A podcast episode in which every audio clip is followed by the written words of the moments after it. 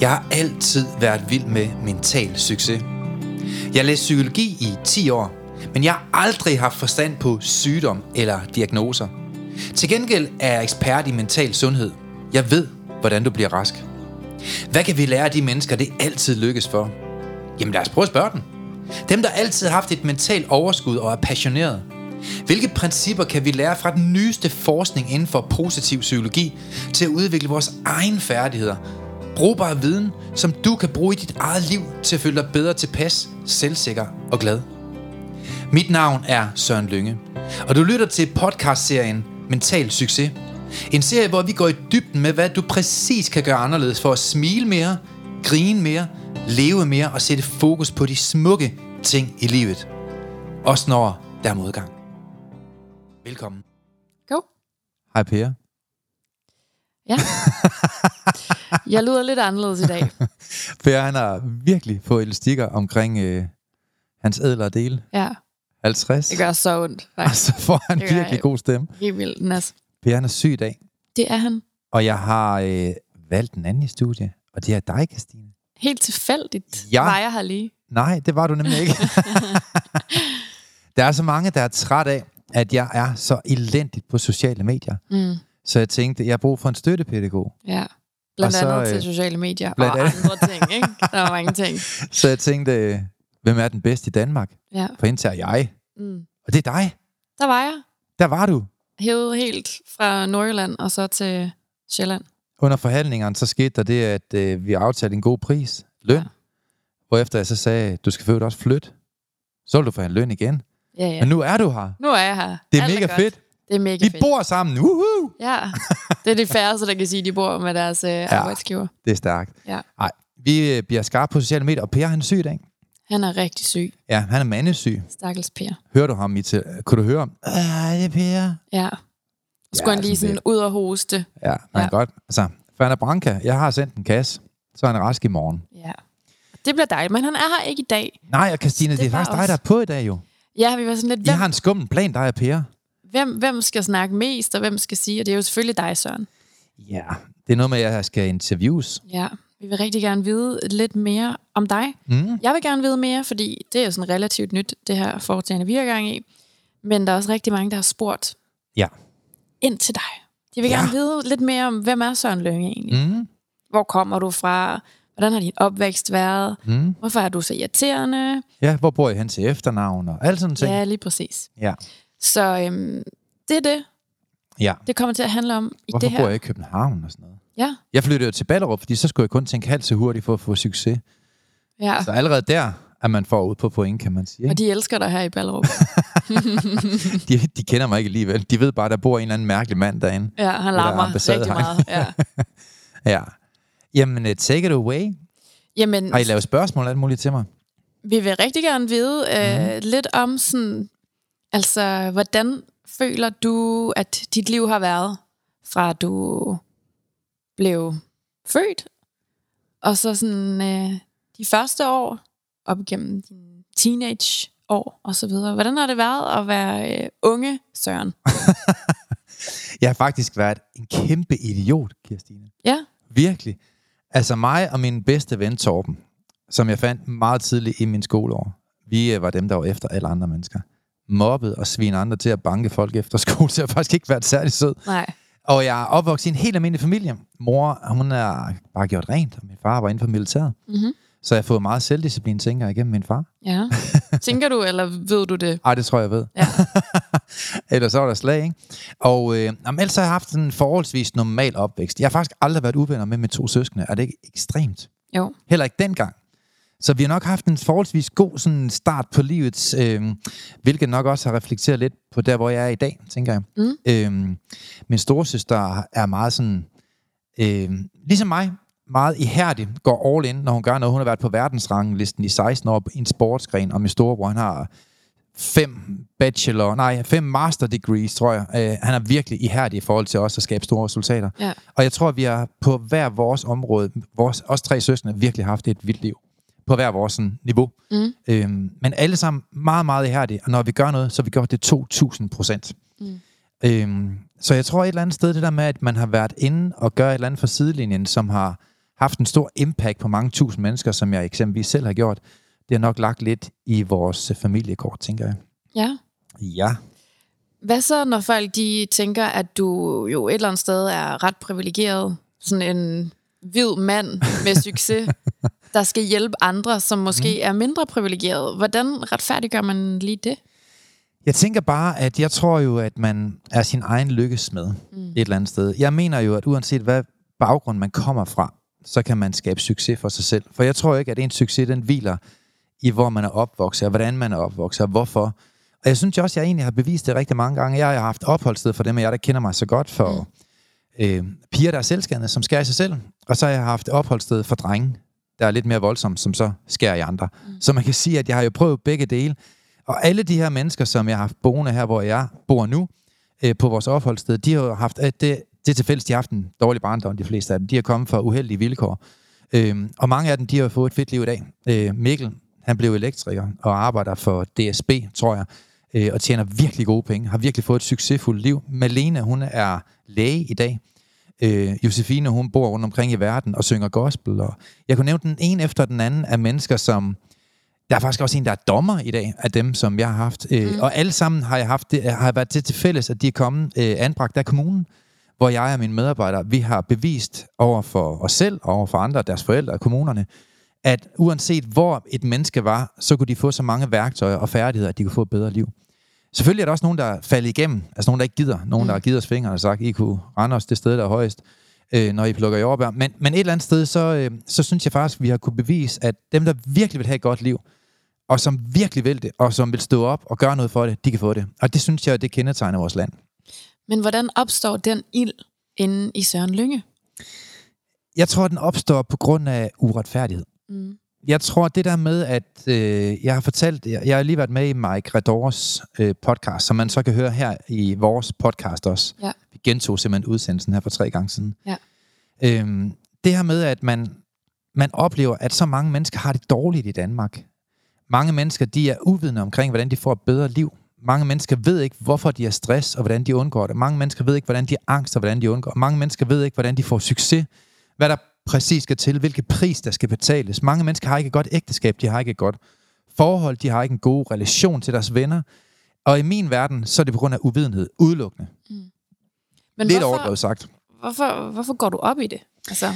Jamen for mig synes jeg bare, at jeg får energi af at hjælpe andre. Ja. Jeg har jo gjort meget for at hjælpe mig selv, og det synes jeg jo egentlig, ydmygt sagt, at jeg lykkes meget godt i. Jeg har jo, som du selv indikerer lidt, et ret godt liv selv. Mm. Og jeg tror, jeg er nok en af dem, som modsat mange andre har et meget bedre liv, end hvad jeg viser på sociale medier. Mm. Altså bagom kulisserne går det meget bedre, end folk de tror, mm. vil jeg antage.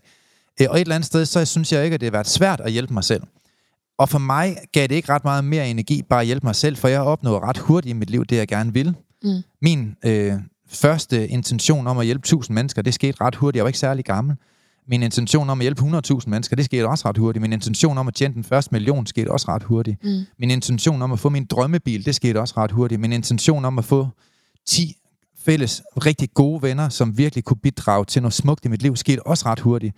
Så jeg tror bare, at på baggrund af mange af de værktøjer og mentale strategier, jeg, jeg, jeg forsøgte at udvikle i mit eget liv, lykkedes sådan forholdsvis godt i det. Mm. Jeg, mit første arbejde var jo også at holde foredrag om min egen succes. Jeg har ikke lavet andet hele mit liv. Så man kan sige, at det gav mig ikke så meget til sidst, så at jeg tænkte, hvad, hvad kan jeg så gøre øh, for ligesom at, at tilfredsstille den brand, jeg har for at hjælpe andre. Øh, og det var simpelthen at hjælpe en, som så gav mig noget energi, og så hjælper jeg en anden, og så gav det mig energi, og så hjælper jeg en tredje. Så tænker jeg, kan jeg vide, om jeg ikke kan hjælpe en 9. klasse i vandløse, og så hjælper jeg dem ved at holde et foredrag. Der var jeg ikke ret gammel. Jeg var lige flyttet til København. Jeg tror, jeg var den 19-20 år, da jeg holdt mit første foredrag. Mm. Øhm, og så fik jeg lov til at hjælpe en hel skole i Vandløse, så fik jeg lov til at hjælpe en anden skole, så fik jeg lov til at hjælpe en virksomhed. Så håndterede jeg mange af Københavns Kommunes problemer med nogle af deres værste unge, fik ansat nogen, og lige så stille, så blomster hele det univers op, som, som jeg har levet i lige siden, hvor jeg egentlig bare får mega meget energi for at gøre noget smukt for andre. Så man kan sige, at du gik egentlig fra at være et sted i dit eget mindset, hvor du mm. mobbede og var en rigtig træls, irriterende type, ja til så at give dig selv nogle mentale redskaber og værktøjer, og så finde ud af, at de mm. her værktøjer også kunne hjælpe andre. Og det var Jamen, måske der det største skifte. Det største skifte var faktisk sidste skoledag i, øh, på efterskolen. Mm. Der skete der en meget stor skift, fordi der har været en idiot hele vejen igennem. Mm. Øh, og jeg har faktisk været sådan en meget ond idiot også. Ja. Ja. Jeg har simpelthen måske haft det for godt i virkeligheden. Ja. Øh, og klarer mig sådan ret godt øh, i fodbold og alle de andre ting, hvor man sådan, du ved, har været lidt heldig at stille end mange andre. Øh, men jeg husker aldrig nogensinde, eller jeg glemmer, hedder det ikke, jeg glemmer aldrig nogensinde, da vi så skulle afsted, så skulle vi have sådan en blå bog, hvor man sådan, du ved, skulle skrive noget sødt om hinanden hele vejen rundt. Øh, og til mit store chok, der var der faktisk ikke ret mange gode ting at sige om mig. Nej. Jeg troede virkelig, at jeg skulle den her med hjem, og jeg levede i en illusion med, at jeg var super sød. Mm. Men et eller andet sted, så var det måske kun 4, 5, 6, 7 stykker, der virkelig kunne lide mig. Mm. Og resten, de havde ikke noget særligt pænt at sige om mig. Og der gik det op for mig, hvor stor en idiot jeg i virkeligheden var. Og den dag, der tog jeg en beslutning. Og det var, at jeg ville vie mit liv. I stedet for til at hakke andre ned, så ville jeg ophøje andre og ære andre. Og ydmygt vil jeg leve et liv og få en mission i mit liv, hvor jeg kunne træne andre til at få et bedre liv. Mm. Så det prøver jeg så på en, med en let egen kejlede måde allerede fra 10. klasse. Ja. Ikke så fedt at kigge sig selv i spejlet og så videre. Den person, der kigger tilbage, er en, som andre bare Hader. hader. Det var det i hvert fald ikke den dag. Altså derfor tror jeg bare, jeg var et blank. Dum Ja. blank. Ja. Altså jeg har ikke set, hvad smerte jeg har påført andre mennesker dengang. Mm. Eller i hvert fald overhovedet ikke. Der er forskel på at se og indse, og jeg har ikke nogen af delene. Mm. Så det der med, at jeg, jeg kunne egentlig godt indse, at jeg virkelig har været et dumt svin over for andre mennesker. Jeg ved ikke, der er sket et eller andet inde i mit liv. Mm. Der er sket en eller anden, jeg vil ikke sige, at det var sendt fra himlen eller et eller andet, men det er måske lige før, man kunne sige, et eller andet skete der, hvor, jeg, hvor mine øjne virkelig blev åbne for, at mange mennesker har faktisk et dårligt liv, og jeg gjorde faktisk ikke verden til et bedre sted, men jeg gjorde måske i virkeligheden til et dårligere sted. Mm. Hvem vi ikke har gjort for træde, er ikke uh, værd at nævne, men, øh, men jeg fik godt og grundigt kompenseret for det efter min 10. klasse. Ja. Så er der også et andet spørgsmål, som jo ligger sådan og, øh, og lurer lidt i alt det her. Har du selv oplevet altså svigt og sorg sådan helt inden? Nej, og det, det er da sådan lidt forfærdeligt et eller andet sted. Jeg har jo egentlig gået sådan ret nemt og problemfrit igennem mit liv. Mm. Altså jeg har faktisk altid haft det meget godt med mine forældre. Jeg har aldrig haft mine bedste forældre. Mm. De har været døde, før jeg nærmest blev født. Mm. Så jeg har ikke rigtig haft øh, nogle begravelser, eller nogle store sygdomme, eller nogle tragiske ting i mit liv. Selvom min mor og far er helt normal, og har et helt normalt løbestejsliv, så har min mor nok også været ud over det sædvanlige. Hun har fx aldrig været syg. Jeg har aldrig set min mor ligge i en seng. Mm. Mm. Øh, den dag i dag er hun 83. Jeg har stadigvæk ikke set min mor ligge i seng en dag. Øhm, og min far har altid været sjov og hyggelig. Min far har aldrig bekymret sig. Min far har altid været den, en, der sagde, at det er dagen og vejen, som den kom. Mm. Mm. Så jeg, og jeg har haft mine stå- søskende, som er ældre end jeg, som har været meget sådan visionær og haft store ambitioner for deres liv, og har virkelig givet genklang rigtig mange steder på jordkloden omkring, hvad de har opnået i deres liv. Så jeg tror, jeg har været sådan... Jeg har nok haft en god grobund for at kunne skabe et smukkere liv for andre mennesker, tænker jeg. Fordi jeg selv har måske kommet lidt let igennem livet. Men selvfølgelig har jeg også oplevet smerte. Altså jeg er blevet skilt, eksempelvis. Øhm, jeg har også oplevet smerte i kraft af venner, der svigtede mig. Altså da det gik mig for godt, er der nogen, der vælger en fra på baggrund af succes. Det er jo et eller andet klamt sted at, at, at, at ende, kan man sige. Ikke? Mm. Men jeg har selvfølgelig oplevet nogle, nogle, sådan, nogle svigt, men jeg tror bare, at til forskel for mange andre, så er der nogen, der dyrker deres svigt, hvor jeg måske har været hurtigere til at rejse mig igen. Så måske når du får det her spørgsmål, så tænker din hjerne per automatik På alle de gode på ting. alle de gode ting, ja. Frem for netop at fokusere på, at du har oplevet svigt og sorg, hvilket du jo har mm. Tydeligvis, det kan Ja. jeg jo høre. Jamen også for eksempel, hvis der er nogen, der spørger om, har du aldrig bekymret dig, så vil jeg også svare nej. Mm. Men et eller andet sted, hvis jeg virkelig går i dybden, så er jeg bekymret mig mange gange. Ja. Men hvor andre mennesker, de bruger 10 timer på den bekymring, så bruger jeg måske 10 sekunder på den. Mm. Øh, og jeg tror, det er det samme med smerte. Øh, der er også mange, der har spurgt, "Men har du ikke haft mange problemer? Øh, nej, det synes jeg egentlig ikke. Mm. Jamen, du havde det og det og det. Nå ja, det er faktisk rigtigt nok. Men igen, hvor, hvor det har fyldt rigtig meget i andre menneskers liv, og hvor de i tale sætter, googler det, øh, identificerer sig med det, det bliver deres nye narrativ og deres fortælling om sig selv, så har jeg nok været den, der har været hurtig til at rejse mig op og bare kørt på og været ihærdig for at skabe mere succes i mit liv. Mm. Også dengang eksempelvis, at jeg, jeg også oplevede smerte ved, at øh, jeg fyrer nogle medarbejdere, som så efterfølgende stjal mit koncept og begyndte at hive mine kunder væk fra mig osv. osv. Det har jeg også prøvet. Jeg har også blevet fyret af Københavns Kommune på et tidspunkt, hvor det kostede mig flere hundrede tusind om måneden. Mm. Men, men igen har jeg nok været den, der ret hurtigt rejser mig op, og jeg ikke identificerer mig med min nederlag. Mm. Men jeg har haft en stor identifikation på, eller en stor fokus på alt, hvad der har været godt i mit liv. Alt, hvad der været smukt i mit liv. Alt, hvad jeg øh, synes har været øh, sådan, det motiverende for mig, har jeg altid haft en meget stor fokus på. Så jeg vil sige, for at være helt ærlig, at, at meget af det, der har været svigt, og det, der har været skidt, det er ikke fyldt så meget. Altså, der kan man jo virkelig snakke om at practice what you preach. Det er jo Ja. det, du gør. Altså, din blod er jo gennemsyret med øh, de metoder og redskaber, som du selv har været med til at at lave, Ja, ikke? det synes jeg i hvert fald. Altså, jeg, mange af de værktøjer, jeg har udviklet, er der nogen, jeg har udviklet selv, mm. kan man sige. Altså 100% selv. Hvor at man kan sige, jamen, hvad er det, der gør, at du får en vennermentalitet og en vennerstrategi for at få et bedre liv? Mm. Altså, hvad, altså, vi menneskers hjerner fungerer jo ens. Vi programmerer den bare meget forskelligt.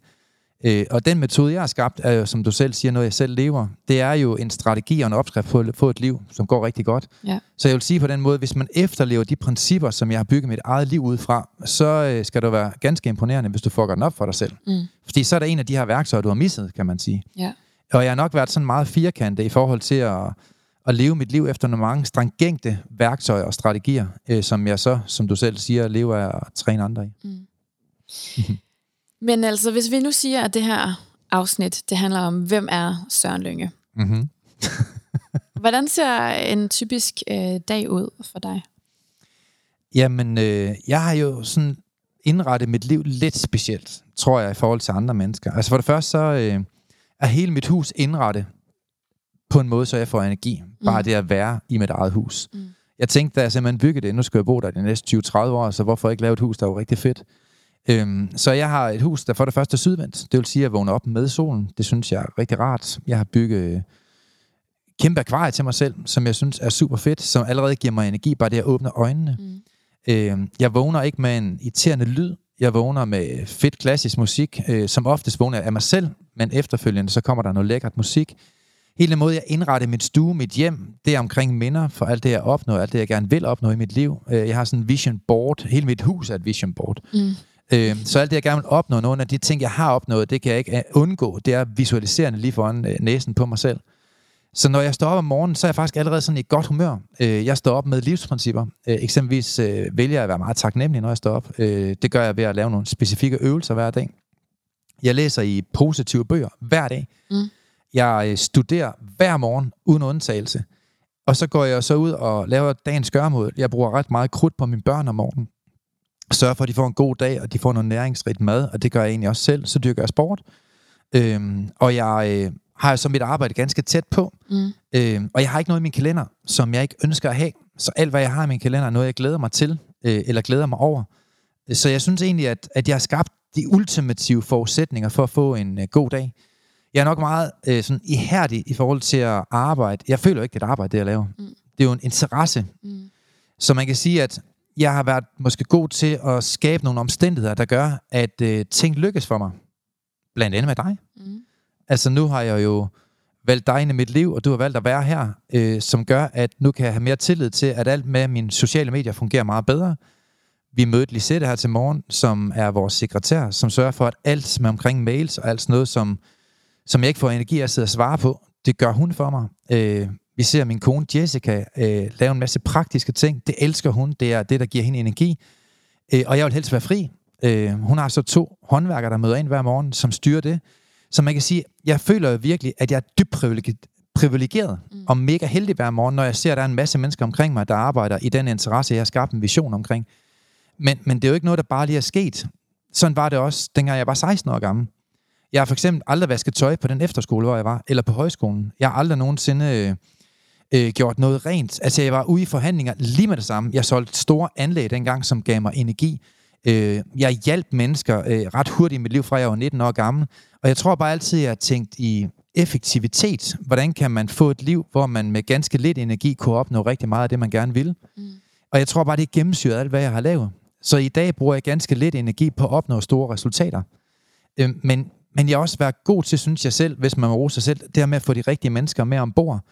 Og derfor tror jeg bare, at jeg er rigtig taknemmelig, når jeg møder om morgenen. Jeg synes virkelig, at jeg har lykkes i at få nogle smukke, dejlige, fantastiske hjerter omkring mig, altså mennesker omkring mig med godt hjerte, hvor vi i, i samme ånd arbejder hen mod den mission, jeg har for mit liv, og det er, at et helt land, en hel verden skal leve et liv uden bekymring og overtænkning. Så, så når jeg står op, så står jeg op til den her mission hver dag, som jeg aldrig bliver træt af. Den, den, den knist, den glød, den stopper ikke i mit hjerte.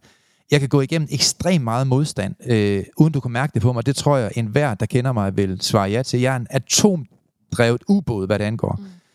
Så hvor andre måske har seks samtaler på en dag, så kan jeg have 20. Øh, og jeg kan sidde over på kontor til kl. 22 om aftenen, og jeg er ikke engang træt, når jeg går hjem.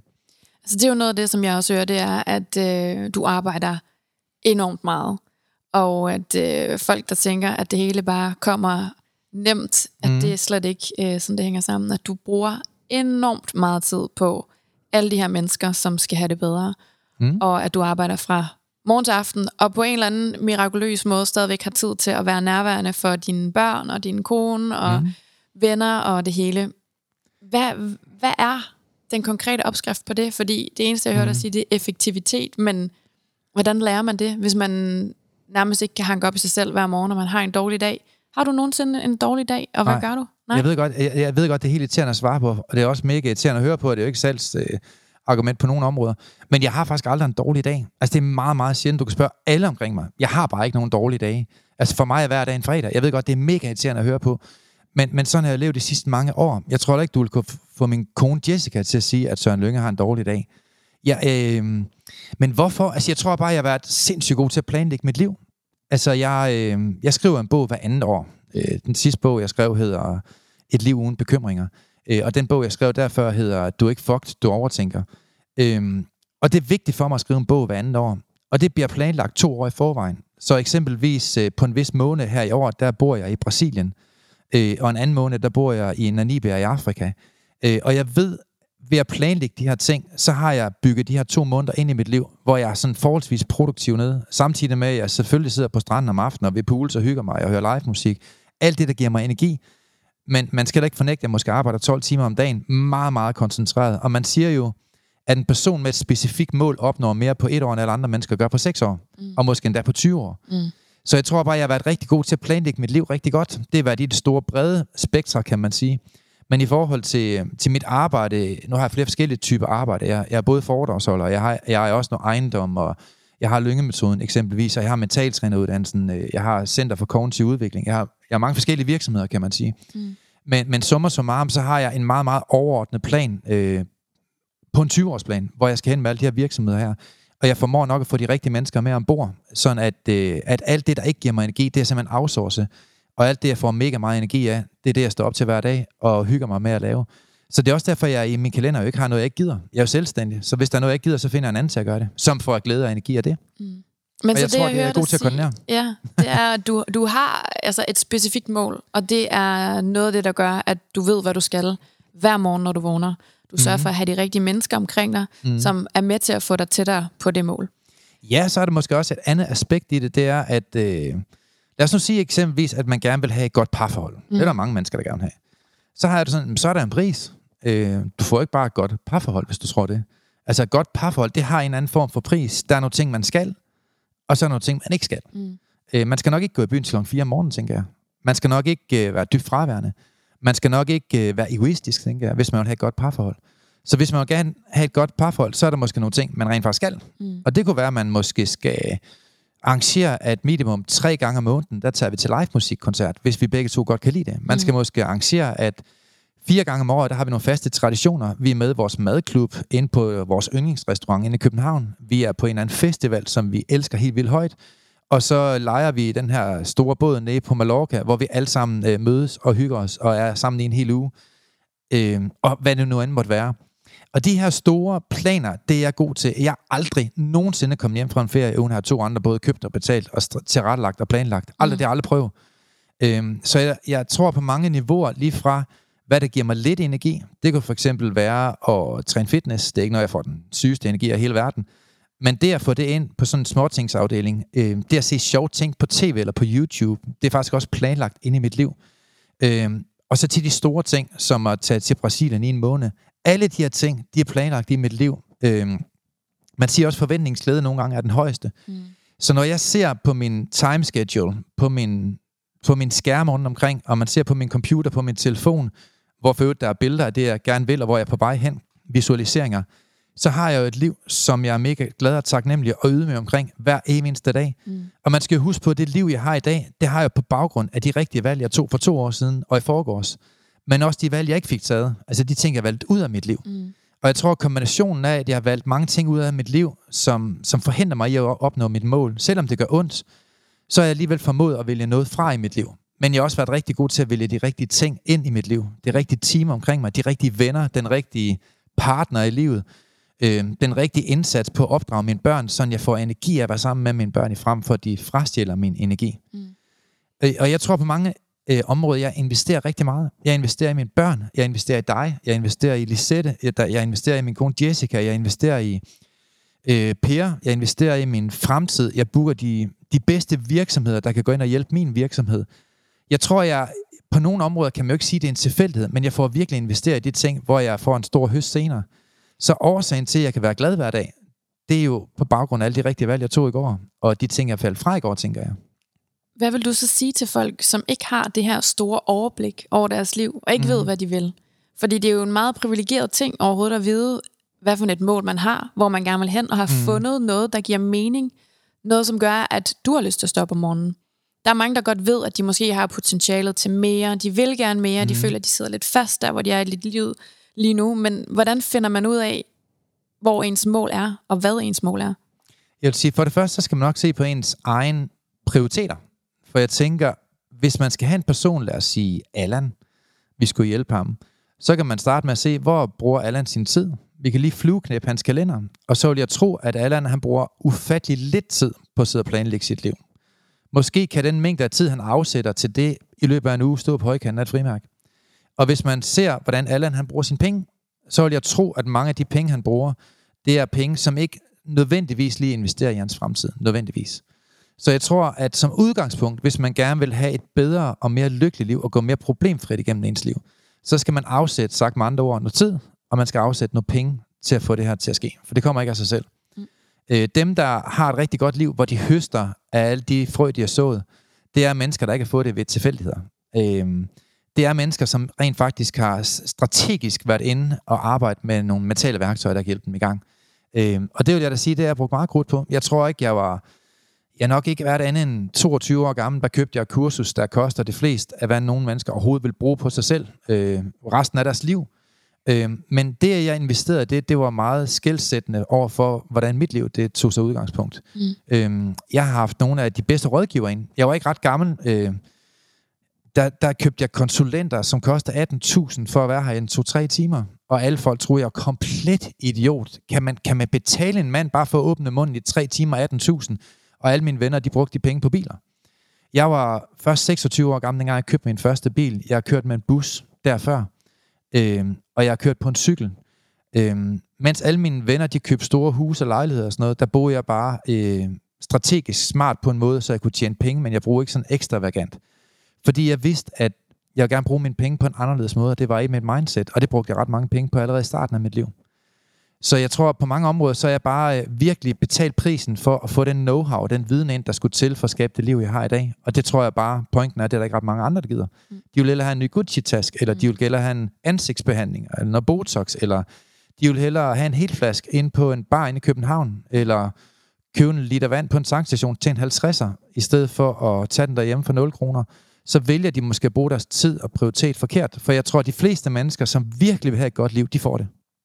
Jeg tror bare ikke, de gider betale prisen for det. Nej, det handler om at ture og give afkald på de ting, man vil lige nu, for Netflix, at få det liv, man gerne vil uh, have på lang sigt. Ja, Netflix. Altså, mange kan spørge selv, hvor meget tid har de brugt på VC'er på Netflix. Det er noget, der i hvert fald ikke genererer bedre liv. På nogle områder. Der er ikke noget i vejen med det, at være lang tid på badeværelset. Der er ikke noget i vejen med at sidde på sociale medier. Der er heller ikke noget i vejen med at sidde på Netflix. Men hvis man bruger 40 timer på det om ugen, så kunne man jo have sagt, at de 40 timer kunne have været anvendt måske en lille smule bedre. Og jeg tror bare, at i mit liv har jeg ikke brugt eller misbrugt ret meget krudt på spiltid. Mm. Mit liv har bare været meget effektivt. Jeg kunne virkelig, altså jeg har bygget fem hus, øh, fra jeg købte den her gigante gård, hvor jeg bor, samtidig med at jeg udgav bøger, samtidig med at jeg holdt 250 øh, foredrag om året, samtidig med at jeg rejste verden rundt, og samtidig med at jeg er en god nærværende familiefar. Men jeg vil da så sige, at jeg nok ikke brugt ret meget tid på Netflix, eller på avisen, eller på at sidde og dagdrømme, eller på at snuse 15 gange, inden jeg stod op. Mange af de ting har jeg nok effektiviseret, sådan at jeg virkelig var effektiv. Og mange af de ting i processen, som jeg ikke gad, har jeg købt andre mennesker ind på mit team, sådan at, at de kunne få deres talenter udfoldet til nogle af de ting, jeg ikke var så god til. Mm. Og så er jeg måske været god til kun at arbejde på mit eget talent og udforske, hvad jeg er dygtig til, og hvor shiner jeg. Og så har jeg brugt alt min tid på det. Så indtil videre, så har jeg lært om Søren Lønge, at du er enormt effektiv, og mm. du er også god til at give afkald på ting, som ikke gavner ja. dit store mål i livet. Yes. Ja. Det går jeg meget op i. sådan rent professionelt, fordi mm. jeg mhm. ved, der er så rigtig mange, der sådan tænker, hvordan har du overhovedet retten til at snakke om alle de her ting? Hvordan, mm. hvordan har du fundet de her værktøjer? Hvorfor skal vi lytte på dig frem for en anden? Ja. Hvad er din baggrund rent professionelt? Jamen altså, jeg startede ud med at tage en bachelor i pædagogik. Mm-hmm. Øhm, og den var jeg sådan set øh, ret glad for, for den gav mig evnen til at kunne læse PædPædKant Psyk som en overbygning. Øhm, så har jeg læst en del psykologi, neuropsykologi, igennem øh, en mand, der hedder Sten Hilling, på Mhm. mm-hmm. Aarhus Universitet efterfølgende. Øhm, men jeg tror faktisk ikke, det er mange af de ting, jeg også læst på, på Yale University i USA, og læst øh, sådan mindre øh, halvårskurser på Harvard. Men jeg tror ikke, det er det, der sådan set har givet mig den viden, jeg har i dag. Mm. Den viden, jeg har i dag, er meget baseret ud fra øh, what works. Jeg har haft et utal af livsstilssamtaler, og jeg har holdt et utal af foredrag, og derigennem har jeg en meget, meget bred erfaring med, hvordan mennesker de lever deres liv. Jeg har jo haft opholdssted for utilpassede unge. Jeg har haft rigtig, rigtig mange øh, mennesker igennem mit system. Mm. Jeg har holdt et utal. Det er faktisk mig, der opfundet det ord, der hedder livsstilssamtaler. Det er patent på. Teoretisk må andre ikke bruge det ord. Det er mig, der opfundet det. Øhm, men, men allerede fra starten af mit liv har jeg virkelig brugt meget krudt på at finde ud af, hvordan fungerer menneskers tanker. Hvordan tænker de? Øhm, og hvordan kan man træne den menneskelige hjerne i at være mere effektiv til at opnå store resultater. Så jeg tror mere, det er min erfaring igennem hele mit liv. Jeg har faktisk aldrig lavet andet end det her Mm. hver dag.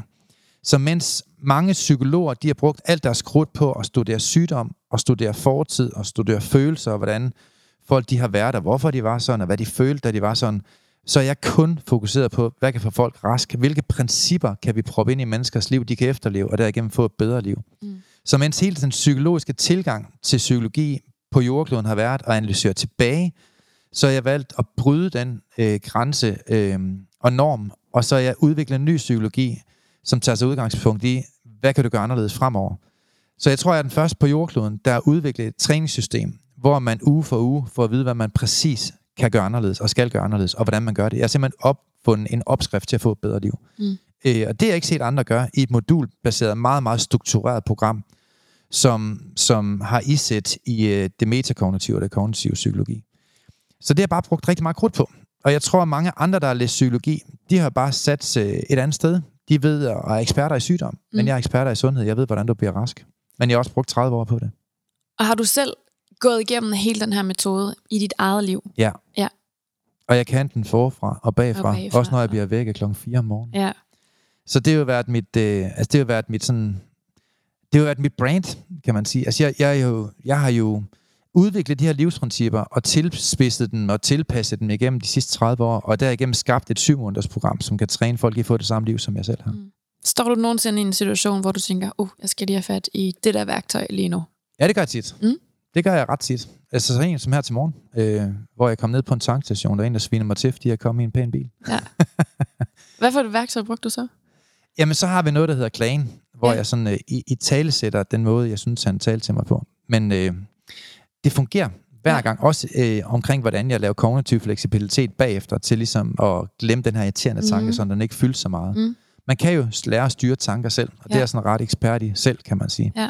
Så hvor andre måske, de vil have hængt i den her negativ tanke i måske to dage, så hænger jeg, så, så hænger jeg i den i to sekunder. Mm. Og jeg mener jo selv, at alle mennesker kan lære at styre tanker. Alle mennesker kan lære at skabe det, de gerne vil. Jeg har jo også fået helt almindelige mennesker, som aldrig har tjent penge hele deres liv. Øh, førtidspensionister, flexarbejdere, øh, børn på 14, dem har jeg fået til at tjene 500 kroner i timen. Det kan mm. Jeg få en hvilken som helst af. Jeg kan få alle, og jeg, jeg har gjort et stort nummer ud af for alle til at glemme deres arbejde fem minutter efter, de er fri. Så mange af de her værktøjer, øh, som kan gavne folk til at få et bedre liv, det har jeg virkelig praktiseret selv, synes jeg. Hvad, øh, hvad skal Søren i fremtiden? Altså min drøm, det er jo at, øh, at være et modstykke til, når folk de går til lægen, fordi de enten lider af overtænkning, bekymringer, stress, angst, depression, øh, og så kommer de så på piller, eller bliver sendt hjem, hvor de så sidder derhjemme og tæller rilleren i deres fløjelsbukser, og får ikke at vide, hvad de kan gøre anderledes. Min drøm, det er at skabe et træningssystem, der kan hjælpe alle mennesker til at få det liv, som de drømmer om, øh, som et alternativ til bare at fylde deres hoved med medicin. Mm. Jeg har ikke noget mod medicin. Folk de kan smide, smide alt det kemi i hjernen, som de vil. Men faktum er bare, at øh, medicin, det har bivirkninger, og det har Mm. meget store bivirkninger, og det løser ikke dine problemer. Så medicin, det hjælper dig til at vedligeholde dig selv i problemet, så du kan leve med problemet. Jeg har udviklet et træningssystem, der træner folk i at undgå problemer, ved at forstå, hvordan problemer opstår, og hvordan du kan træne dig selv til at undgå dem. Så det vil jeg gerne øh, have mere udbredt. Jeg vil gerne øh, give andre, eller faktisk sagt alle muligheden for at træne deres mindset til at skabe stærke resultater, i stedet for at symptombehandle dem selv med piller. Og jeg tror ikke, at der er nogen, der er i tvivl om, at det er dit store mål. Specielt ikke dem, som har lyttet til podcast i lang tid, men nok også dem, som bare kender en lille smule til dig. Men hvad sådan helt altså personligt, Søren, inde bagved mhm. lyngemetoden, hvad, hvad vil Søren gerne i fremtiden? Jamen altså, min store drøm, det er faktisk, altså min fritidsinteresse, det er jo at lave det, som jeg gør nu. Mm. Øh, og for mig er det en personlig udfordring at lave træningssystemer, som bliver kendt af rigtig mange mennesker med det formål at skabe store resultater i menneskers liv. Mm. Så mit helt store mål, altså min mission, der er forskel på en vision og så en øh, mission. Mm. En vision, det er for eksempel, at jeg gerne vil hjælpe 5.000 mennesker igennem mit program næste år. Men en mission, det er, at jeg gerne vil hjælpe alle mennesker i verden til at blive glade og positive og få et liv uden øh, overtænkning og bekymringer. Mm. Så min store sådan, øh, drivkraft, det er at hjælpe alle mennesker til det her, og blive bedre til at gøre det. Blive mere effektiv til at gøre det. Skabe systemer, strukturer, øh, som kan være meget mere effektiviserende for at opnå mit mål. Mm. Det, er, det er min drivkraft. Øhm, det bruger jeg rigtig meget krudt på. Derudover så har jeg jo masser af fritidsinteresser. Altså når jeg så er fri, så laver jeg mange andre ting. Ja. Jeg har jo nok om muligt en del flere fritidsinteresser, end andre mennesker har, tror jeg. Det tror jeg også. altså der er gang i dig på alle ja, jeg har fronter virkelig, og kanter. Altså jeg, jeg har virkelig mange fritidsinteresser, mm. og jeg har kæmpe store passioner for mange alle mulige ting. Altså biler, både. Øh, jeg, jeg, jeg, har, jeg har mange ting. Jeg dykker jo også øh, med hajer rundt omkring i verden og forsker under vandet og sådan noget. Altså jeg, jeg har mange ting. Jeg læser til sommelier Jeg er vinekspert. Øh, jeg går meget op i champagne. Øh, jeg har virkelig rigtig mange ting, som beriger mit liv. Jeg dyrker sport øh, mm. hver uge. Så jeg synes, jeg har, sådan, jeg har mange interessefelter, og, og inden for hvert interessefelt har jeg jo en masse nørdede venner, som jeg mødes med sådan jævnligt. Jeg går meget op i musik, koncerter, øh, ser mange koncerter, er til mange koncerter med mine venner, som er delt op, afhængig af hvad musikstil mine forskellige venner har. Mm. Så jeg synes jo, jeg er en ekstrem livsnyder på rigtig, rigtig mange niveauer og områder. Hvis folk nu ser dig som et forbillede, tænker, ham der Søren, han har rigtig meget succes. Mm. Han har en vision og en mission og et mål og alle mulige store ambitioner for, ja. hvor hans øh, foretagende, hvor de her redskaber skal hen, hvor mange mennesker han skal hjælpe, men han har også mm. rigtig meget på det personlige, han har rigtig mange interesser, han har rigtig mange gode venner. Mm. Hvor vigtigt er det både at have det her mål og den her vision for noget sådan rent karrieremæssigt og noget, man kan leve af og tjene penge på, mm. samtidig med også at have styr på alle sine hobbyer, relationer og mm. fritid. Hvordan er balancen der? Altså, jeg har udviklet min nye bog, der er sådan en trekant udenpå, mm. og den består af fem bevidsthedsniveauer. Øh, og den svarer faktisk meget godt på det spørgsmål. Fordi det, det mest grundlæggende bevidsthedsniveau, vi mennesker, vi kan bygge vores søjler og vores fundament på, det er vores etik, mm. vores værdier, vores moral. Og hvis man ikke har styr på de her tre ganske simple øh, altså områder, vores mission, vores moral, alle de her ting, hvis man ikke har fuldstændig fundamentalt styr på det, så kommer du aldrig til at få succes i dit liv. Så vil dine egne øh, misgerninger og øh, din egen egoisme overhælde dig og ødelægge dit liv. Dine egne fristelser vil smadre dit liv. Og det ser vi jo ved mange, mange tusindvis af mennesker hver dag, at deres fristelser, altså det, de har lyst til at gøre, men som ikke er rigtigt, det ødelægger deres liv og står i vejen for det. Mm. Øhm, når man så kommer op på det første bevidsthedsniveau, så er det at få styr på sådan noget som penge, øh, bolig, øh, forhold, øh, relationer, venner, at der ikke er skimmelsvamp i soveværelset. Hvis man, hvis man ikke får styr over det mest basale i ens liv, så kommer du aldrig op og udvikle dig selv, som er bevidsthedsniveau nummer to. Vi mennesker, vi udvikler os i den bevidsthed, vi er til rådighed. Altså sagt med andre ord, vi gør det, som vi ved, vi burde gøre. Og når man går konkurs, eller når man mister en god ven, eller når man eksempelvis øh, ja, dummer sig og bliver skilt, så er det jo som oftest på grund af uvidenhed. Fordi hvis du vidste bedre, så er du handlet bedre. Mm. Så er ikke nogen, der med vilje ødelægger deres eget liv. Så, så jeg tror, at man skal efterfølge de her basale bevidsthedsniveauer, for at forstå, hvordan man kommer ud af hamsterhjulet, og får et liv, hvor man bare altid dummer sig. Fordi et, et godt liv burde være simpelt. Altså det handler om at stå op om morgenen, og så lade være med at fuck den op, inden man går i seng. Hvor svært kan det være? Mm. Men alligevel, når det så er sagt, så er der jo rigtig mange mennesker, der fejler big time på den her. De er ikke ærlige, de fylder folk med løgn, de er doven, de kommer ikke til tiden, de står ikke op, de går for sent i seng, de sidder og ser porno til klokken 2 om natten, de øh, lyver. Altså, mange mennesker har jo nogle sørgelige karaktertræk, der ligger bag deres mislykkethed. Øh, og i stedet for så at tage kampen op, så sidder de her ondt af sig selv hver dag, som er en meget, meget toksisk tanke, at bare gøre det endnu værre for sig selv. Så et eller andet sted, så er jeg udviklet et træningssystem, hvor man i stedet for skal opfinde den dybe tallerken selv, så skal man bare følge et program, så det ikke er så svært. Mm. Og det er jo i virkeligheden den øh, medicin, jeg selv har skabt, som jeg selv spiser. Hvis man føler sig truffet, eller trigget, eller på mm. en eller anden måde tænker, hold kæft, du er bare en stor idiot lige nu, og de ting, mm. du sidder og siger, det kan man ikke bare. Hvad vil du sige til folk, der har den tankegang? Jamen altså, øh, jeg tror heller ikke, altså jeg tror, du, du rammer spot on ved at sige, det kan man ikke bare, og det er du fuldstændig ret i. Det kan man ikke bare. Altså at få et godt liv, det er ikke bare noget, man gør. Men man bygger heller ikke bare et hus. Man finder nogen til at hjælpe sig til at bygge et hus, hvis du vil have et hus med resultater. Man, øh, man bygger heller ikke bare en virksomhed. Man får nogen til at hjælpe en til bare at bygge en virksomhed. Man bliver heller ikke bare professionel bokser. Man bliver heller ikke bare professionel fodboldspiller. Man køber det rigtige team, man investerer i de rigtige mennesker, man går på det rigtige hold, man finder den rigtige mentor, så bliver du professionel fodboldspiller. Mm. Og hvis du gerne vil have et bedre mindset og et bedre liv, jamen så skal du heller ikke bare lige tro, du får det. Det får du ved at følge en opskrift for mennesker, der har gjort det bedre end dig. Øh, og der er uden tvivl nogen, der synes, jeg er en stor idiot, øh, som tænker, hans metode følger vi ikke. Og det har jeg det sådan set fint med. Det bruger jeg cirka et splitsekund på at tænke over. Men der er nok også andre, der tænker, jamen, jeg vil egentlig gerne have en rollemodel, som har gjort det før mig. En, der virkelig did it. Øh, og så følger de måske min metode, og så virker den måske for dem. Øh, vi har i hvert fald ikke haft så mange, hvor det ikke har virket, kan man sige. Mm. Men det, jeg tror, der er vigtigt, hvis jeg skulle give godt råd til folk, det er, at når du eksempelvis selv vil have et bedre liv, så prøv at starte ud med at rådgive dig med nogen, der har et bedre liv end dig. Fordi faktum er bare, at en blind kan ikke lede en blind.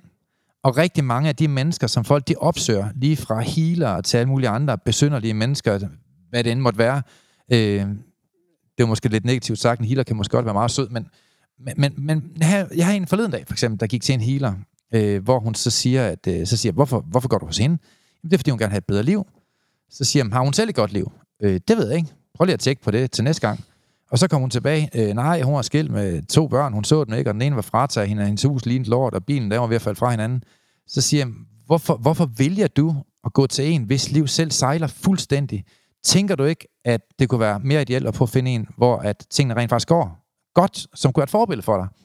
Og jeg tror bare, min pointe er nok bare, at rigtig mange mennesker, når de lytter til at blive bedre til at styre deres økonomi, så lytter de til deres bedste ven John, hvis liv selv sejler, og ikke selv styr på sin økonomi. Mm. Og jeg tror bare, at vi mennesker, hvis vi virkelig gerne vil have et godt liv, så se dog efter nogen, som har bedre liv end dig, og gør som de gør. Altså hele min metode er bygget op omkring, hvad meget, meget vellykkede mennesker de har gjort rigtigt, og hvad vi andre kan lære af dem. Jeg kunne aldrig drømme om at gå til en og få økonomisk rådgivning, for en, der ikke selv har styr på sine penge. Jeg vil aldrig gå til en, der skal hjælpe mig med mine sociale medier, som ikke selv er dybt professionel og har skabt resultater på det. Jeg, jeg, jeg kan sågar give et, et, et råd her forleden dag, som jeg gav til en, som gerne vil være foredragsholder. Jeg ved ikke, hvor mange i Danmark, der holdt flere foredrag end mig, men jeg vil antage, at der ikke er nogen, der har gjort det, for jeg har holdt over 4.500 foredrag. Jeg har i hvert fald ikke mødt nogen, der har holdt flere foredrag end mig. Det er primært det, jeg lever af. Øhm, så siger jeg så, mega fedt. Hvem har du så fundet? Jamen, hun har så fundet hende og hende, der skulle hjælpe hende med at holde foredrag. Nå, hvor fedt. Jeg slår hende lige op.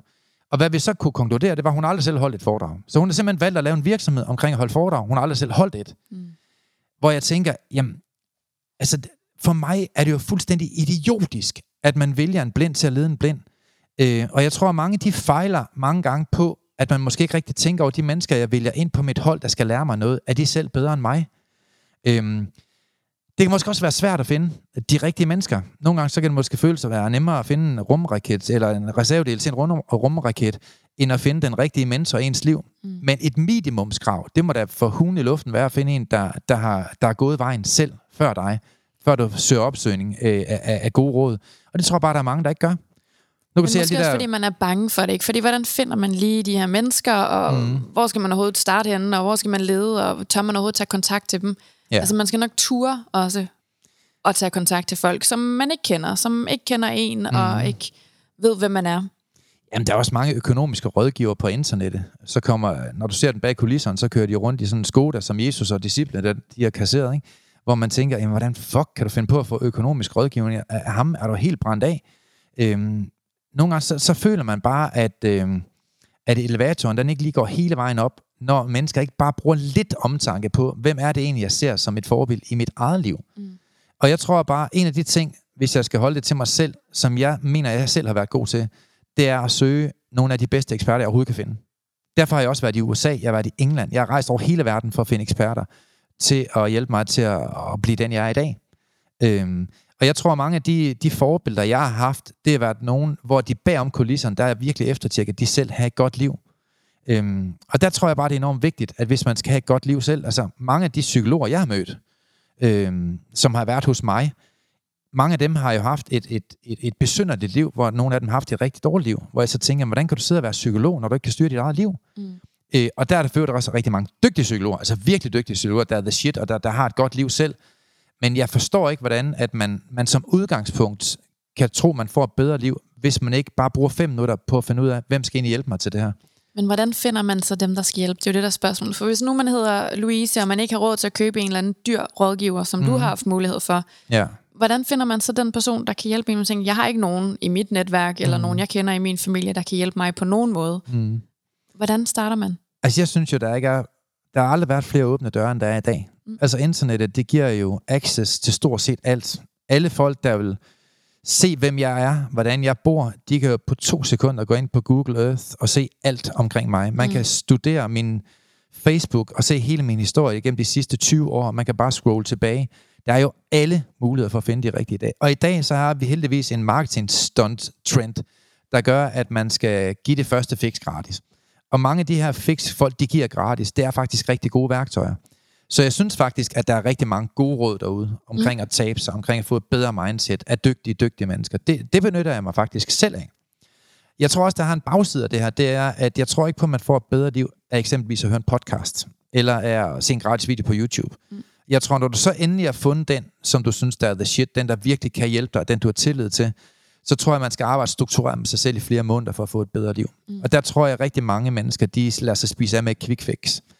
Og der vil jeg mene, at de mennesker, som jeg i hvert fald ser, får et markant bedre liv, øh, og de mennesker, der er på vores Trustpilot eksempelvis, det er mennesker, som alle sammen har betalt prisen. Øh, så i stedet for at købe en ny cykel, eller få en ny foodprocessor, eller måske øh, tage en rejse, så har de valgt at investere måske 15.000 på deres mindset. Men jeg tror, man skal bruge noget krudt først selv, til ligesom at spole sig ind på, hvem synes man egentlig kunne være noget for mig, mm. der virkelig kan give mig et eller andet positivt. Og det har jeg brugt rigtig meget krudt på. Øh, det er også derfor, jeg gør, at jeg ikke har været ret meget skuffet over mine venner. Fordi de venner, jeg har valgt ind i mit liv, dem har jeg brugt mange måneder på ligesom at have et spirende relation til, inden jeg overhovedet lukker dem ind i mit liv. Mm. Så jeg tror, det der med, at man, man, man er meget omhyggelig med, hvad man lukker ind i sit liv. Nogle mennesker kan man jo have i sit liv, øh, men ikke i sit hjerte, hvis man ønsker fremgang. Så kan man måske bare have dem i sine tanker, ja. men ikke i sit, i sit liv. Sådan, hvis man virkelig får, øh, vil have fremgang, så skal man nok vælge dem fra på mange områder. Ikke? Og der tror jeg bare, at der er mange mennesker, som måske har lukket for mange ting ind i deres liv, der nedbryder dem, frem for at opbygge dem. Mm. Og der tror jeg bare, at jeg, jeg har i hvert fald brugt rigtig, rigtig meget krudt på at få de rigtige mennesker med ombord, på at blive inspireret af de rigtige mennesker. Men, men inden jeg lader mig inspirere eksempelvis af en Joel Osteen, som jeg godt kan lide på sociale medier, jamen så har jeg været inde og brugt mange timer på at studere, hvem han er. Og at, selvfølgelig kan jeg også møde kritikere, der, der hader ham. Jamen så, så sorterer jeg det fra og vurderer selv ud fra min bedste evne, om han er et godt menneske, eller han ikke er et godt menneske. Og jeg tror, jo flere mennesker vi får ind ombord på vores skib, der er gode mennesker, jo bedre liv vil vi selv få. Mm. Og der synes jeg virkelig, at jeg lykkes. Jeg har rigtig mange gode mennesker i mit liv. Hvordan giver du følelsesmæssigt afkald på folk? For jeg tror, det er noget, som folk virkelig har svært ved. Altså, ja. hvordan, øh, hvordan giver man slip følelsesmæssigt, hvis man skal bruge nogle af de værktøjer, du bruger? Hvor jeg tænker, det er jo en, det er jo en blanding mellem at få tanker og følelser til os at snakke sammen. Altså man kan sige, at lyngemetoden, som jeg har skabt omkring et værktøj, øh, det er jo lyngemetoden, derfor svarer jeg lige på lyngemetodens vegne, kan man sige. Øh, det, er jo, det er jo nok det ene psykologiske system, hvor man netop ikke skal være så meget i følelserne. Mm. Øh, vi mener jo, at følelser er på det mest primitive niveau, et menneske kan være. Det er jo der, hvor vi siger ting, som vi ikke mener, men som bliver hørt af så andre mennesker. Det er der, hvor vi er impulsstyret. Det er der, hvor vi tager beslutninger uden at overveje konsekvenser. Så når man, når man er i følelserne, så er man meget egoistisk, eller kan være det i hvert fald. Jeg vil have sex, jeg vil have øl, jeg vil være ud til klokken 4, jeg vil fuck hans liv op, og jeg vil have hævn. Men æm, handler det ikke også om at give kærlighed og elske? Er det ikke også følelser? Der, der er begge ting i det, synes ja. jeg. Men jeg tror, når man skal tage beslutninger, der, der skal vare for evigt, så tænker jeg ikke, at man skal være i følelserne. Der skal man lige over i den rationelle del af hjernen, hvor man kan konsekvensberegne. Mm-hmm. Øhm, og jeg tror, jeg har været sådan forholdsvis god til at være sådan meget rationel, hvor jeg virkelig konsekvensberegner, hvad for nogle valg, jeg har taget i mit liv. Øhm, selvfølgelig skal man også være i følelserne, øh, og mærke, hvad der kan føles rigtigt. Mm. Men man må godt sådan prøve lige at beregne øh, matematisk, øh, hvad der kan betale sig. Har jeg råd? Øh, er det en god deal for mig? Der er jo mange mennesker, som er i følelserne, eksempelvis er meget impulsstyr. Fattige mennesker på et femstjerne hotel. Nej, nej, nej, der, der er køleskab på værelse her. Øh, en cola, 188 kroner, top, den tager jeg. Så er man jo meget i følelserne, hvor man ikke helt bruger hovedet, kan man sige. Ja. Og der tror jeg, at hele min metode er nok skabt ud fra, at man skal være sådan, i hvert fald som udgangspunkt meget rationel, når man tager nogle beslutninger, og så kan man føle en masse ting, når man... Men nu tænker jeg specielt i relation til andre mennesker, for jeg mm-hmm. forestiller mig, at din relation til din kone nok ikke kun er strategisk ah, og rationel. jeg forestiller mig ikke, du har siddet og lagt puslespiller om, ja. hvor I passer sammen, og hvordan Men igen, når alt det rationelle, det ligesom er på plads, mm-hmm. at vi har forventningsafstemt, som jo er meget rationelt, at vi har lavet spilleregler for et godt ægteskab, som jo også er meget rationelt, at sidde og lave regler om moral og etik. Mm. Altså når alle de ting, de er på plads, så bliver det bare meget sjovere at give sig selv følelsesmæssigt væk til et andet menneske, fordi så er der nogle moral, moralske kodexer, som spiller øh, i en højere enhed, kan man sige. Ikke? Ja. Og sådan tror jeg også, jeg har det med mine venner. Altså jeg kan give mig hen følelsesmæssigt, have det sjovt og, og give den gas til en fest med alle mine venner, som jeg gjorde i lørdags, hvor jeg holdt kæmpe fødselsdag. Mm. Øh, uden der er nogen problemer en hel aften. Fordi der er nogle rationelle, sunde spilleregler, som har lagt til grund for vores relation og venskab. Nogle værdier. Mm. Og jeg tror, fordi at jeg har været sådan meget rationel i vores værdier, regler, normer, kald det hvad du vil, øh, så kan der følelsesmæssigt gives afkald på alle de sporadiske følelser, vi kan have, så længe at der er nogle sunde, fundamentale regler og normer, der ligger til grund for de her følelser. Mm. Og der tror jeg bare, der er for mange mennesker, der lever et liv i følelserne, som ikke har de her spilleregler. Eksempelvis møder jeg om, om relationer og venskaber og ægteskaber hver dag, hvor der er masser af følelser, men der er ikke et fundamentalt regelsæt og normer til, hvordan man har et sundt forhold. Og så kommer de op og diskuterer hele tiden om, hvem der gør hvad, og hvorfor kom du hjem der, hvorfor sagde du ikke det, og hvorfor behandlede du hende sådan, og hvorfor har du skrevet sådan til hende, hun jeg har set det. Og hvis, hvis du ikke har nogle, nogle rationelle, sunde normer og regler, ligesom vi har trafikreglerne, er måske en meget god idé øh, at tage udgangspunkt i her. Der har vi jo det mest rationelle på hele jordkloden. Det er rødt, det er gult, det er grønt. Og kan alle indfinde sig under de simple regler, der er i det, så er det meget, meget svært at fuck trafikken op. Øh, og, og, og hvis man ellers kan indfinde sig under de her trafikregler. Og, og på samme måde tror jeg også, at vi skal have de her spilleregler i relationer, venskaber, kollegialt forhold, øh, i forhold til vores børn. Og når man kan det, så kan man give efter på alle følelser, fordi så ved man, at følelserne får en ramme at være i. Og når følelser får rammer, så, øh, så er det meget rart, fordi så bliver du ikke skuffet. Mm. Hvis det sådan giver mening. mange, mange kloge ord. Jeg har, øhm, jeg har et spørgsmål, som er, har intet med mentale værktøjer at gøre. Men øhm, når jeg sidder her og lytter til dig, og alle de samtaler, vi har haft sammen indtil videre, så er det jo en enormt klog mand, der sidder over for mig, og jeg tror måske, der er mange, hvis de ikke lige ved, hvordan du ser ud, mm. eller netop hvad for nogle fritidsinteresser du har, så mm. tror jeg, man godt kan danne sig et, et billede af, hvordan du ser ud, og øh, at du i hvert fald slet ikke har øh, nærmest et helt sleeve med tatoveringer op ad din arm, og at øh, du godt kan lide at øh, ja, give den gas og danse og live musik og biler osv. Mm. Hvor meget af den del fylder i, øh, i dit liv, og alt det her med tatoveringer og så videre, dit udseende, er det noget, der sådan, er det noget, du tænker over? Er det noget, der påvirker dig, når du går ud og holder foredrag? Er det noget, du godt kan lide at vise frem, eller hvad har, hvad har det betydning for dig? Jeg tror faktisk ikke, det betyder sådan det helt vildt meget. Altså tit så går jeg ud af døren, uden at få sådan set mig alt for meget i spejlet. jeg får godt nok lige et undervognskyld ned i Sjælds vaskehal, måske, ja. eller inde i brugskabinen. Men ellers så går jeg ikke sådan vildt meget op i det. Altså jeg køber tøj kun fordi jeg kan lide det. Jeg tænker ikke så meget over, hvordan andre kan lide det. De, øh, de køretøjer, jeg har, der tænker jeg kun i, hvad jeg selv kan lide. Mm. Og hvad alle andre tænker, hvad de synes og hvad de mener, det er fuldstændig sat fri for. Jeg har jo lige haft en podcast omkring følelsesmæssig afhængighed. Hvordan at mange mennesker, de i min verden er alt for afhængige af, hvad andre mener, at man skal man skal ses, man skal høres, og man skal kunne lide og hvad synes de andre, hvad tænker han om mig. Sådan noget, det er fuldstændig sat fri for. Jeg, tænker, jeg, jeg bruger ikke to sekunder over det. Jeg bruger alt mit krudt på kun at være den bedste version, jeg kan være mig selv. Mm. Og så tænker jeg, så kan folk sikkert godt lide mig. Så for eksempel de her tatoveringer, er det bare fordi du lige havde lyst? Er det noget, der betyder Nej, noget det er, for dig? Øh, altså mine tatoveringer, det var nogen, som faktisk jeg først fik lavet her som voksen. Mm. Øh, jeg, jeg fandt dem med, midt i mit ægteskab med Jessica. Hun ja. synes, det var fedt, at jeg fik en, øh, en hel sleeve. Uh, vi snakker om i lang tid, hvad det skulle være. Uh, og vi har planlagt det i rigtig lang tid. Uh, så vi valgte at lave en kæmpe tatovering på mig, som skulle symbolisere alle de gode ting, der var i menneskers liv, og alle de ting, der ødelagde menneskers liv. Så hele min arm er fyldt op med alt, hvad der ødelægger menneskers liv. De syv dødssynder har vi kaldt dem. Mm-hmm. Og så er det fyldt med alt, hvad der giver folk et smukt liv. Og det hele er faktisk beskrevet på min arm. Øh, selvdisciplin, happiness, alt sådan noget, det er det, der giver et godt liv. Og så har vi skrevet alle de negative ting, selvisk egoisme, øh, alle sådan ting, som, som ødelægger menneskers liv. Og begge ting har jeg jo set meget tæt på. Jeg ser hver dag mennesker, der ødelægger deres eget liv, og jeg ser hver dag mennesker få et nyt liv. Og det har jeg gjort de sidste mange år. Dem, der kender mig ret godt, de ved, at jeg har været ind over ekstremt mange familiers vellykkethed i forhold til, at jeg har reddet en far eller en mor, eller, eller vores værktøjer, jeg har reddet deres børn. Mm. Øhm, det, det er man nok ikke i tvivl om, hvis man googler mig på sociale medier, vil jeg tro. Øhm, men samtidig så har jeg også set mange mennesker ikke vil det gode liv, og jeg har set øh, mennesker ødelægge deres liv. Mm. Jeg er også, jeg ved ikke, hvor mange der ved det, men jeg har været en af de få, eller jeg tror, jeg er den eneste i hele Danmark, der har været i en lukket fængsel som privatpersoner og, og træne øh, lovbrydere. Det har jeg brugt ret, ret meget krudt på, kan man mm. sige. Ikke? Så jeg har brugt øh, et utal af timer på at, på at træne øh, både politikere og politifolk, operative styrker, PET, og alle mulige mennesker, øh, øh, grupper, øh, virksomheder, skoler, handelsskoler, kommuner øh, har jeg været anvendt i de sidste 20 år, 25 år, hvor jeg træner dem i meget, meget high skills for at få et godt liv. Så jeg har virkelig set folk øh, gå igennem, og jeg har set folk falde igennem mange gange, og det symboliserer mine tatoveringer. Ja, og de er jo også en del af dig, og en del af, hvem er Søren Lønge, så jeg ja. synes, det var et nærliggende spørgsmål lige at høre, hvor de kom fra, og ja, øh, ja. men øh, jeg er i hvert fald blevet meget klogere på dig, vil jeg sige. Ja! ja. Vi skyldte jo lidt folk at lave den her lille podcast om det. Ja. Hvem er du egentlig? Ja. Vi har i hvert fald hørt rigtig mange ting, og jeg kunne forestille mig, at der stadigvæk er enormt meget snak om. Men nu har vi taget hul på det, nu har vi startet ja. på det. Hvem er Søren? Mm. Og det passer jo meget fint nu, når Stakkels Per han er syg.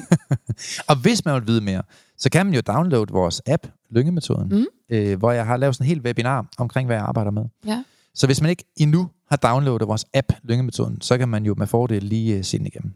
Måske er den lidt kedelig i starten af den video der, Christina. Men, uh, Tror du det? Vi fikser den. Ja. Den bliver spændende. Den bliver mere og mere spændende. Var en times tid. Har du øh, noget afsluttende, du vil sige, Søren, inden vi øh, takker af for i dag? Jeg plejer at slutte af med et godt råd. Ja.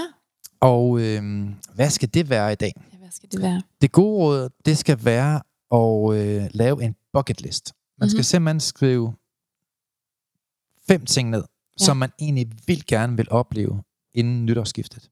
Så det der med at skrive fem ting ned, hvad skal der simpelthen ske i mit liv? Hvad skal jeg opleve? Hvad skal jeg opnå, inden der bliver nytår? Jeg elsker selv at gøre det, men det kunsten er her, det er ikke bare at skrive det op, det er rent faktisk at hænge det op. Mm. Altså det er at forholde dig til det hver dag. Så tag et billede af det, tag på baggrund af din telefon, hæng det op på dit køleskab, og så lav en handlingsplan på, hvordan du fuldfører hver evig eneste punkt af de fem. Det er en, så er vi i gang. Et vildt godt råd. Og ved du hvad? Jeg holder dig lige op på det, fordi vi gør det samme. Ja. Og så poster vi det på Instagram, og så kan folk måske have lyst til at øh, poste det deres bucket list også, fordi der er ikke særlig lang tid til årsskiftet. Nej. Så, ja, øh, vi er der. Ja. Så øh, det er en deal. Det, det er en deal. Perfekt. Jamen, øh, tak for i dag. Ses! Vi er glade for, at du har lyttet med på podcastserien Mental Succes. Hvis ugens emne har givet dig værdi, så er du meget velkommen til at dele det på sociale medier – og hvis du har lyst, så har du mulighed for at møde os hver måned, når vi turnerer Danmark rundt med åbne foredrag og giver mentale værktøjer væk. Vi glæder os til at se dig på mentalsucces.com. Vi ses i næste uge.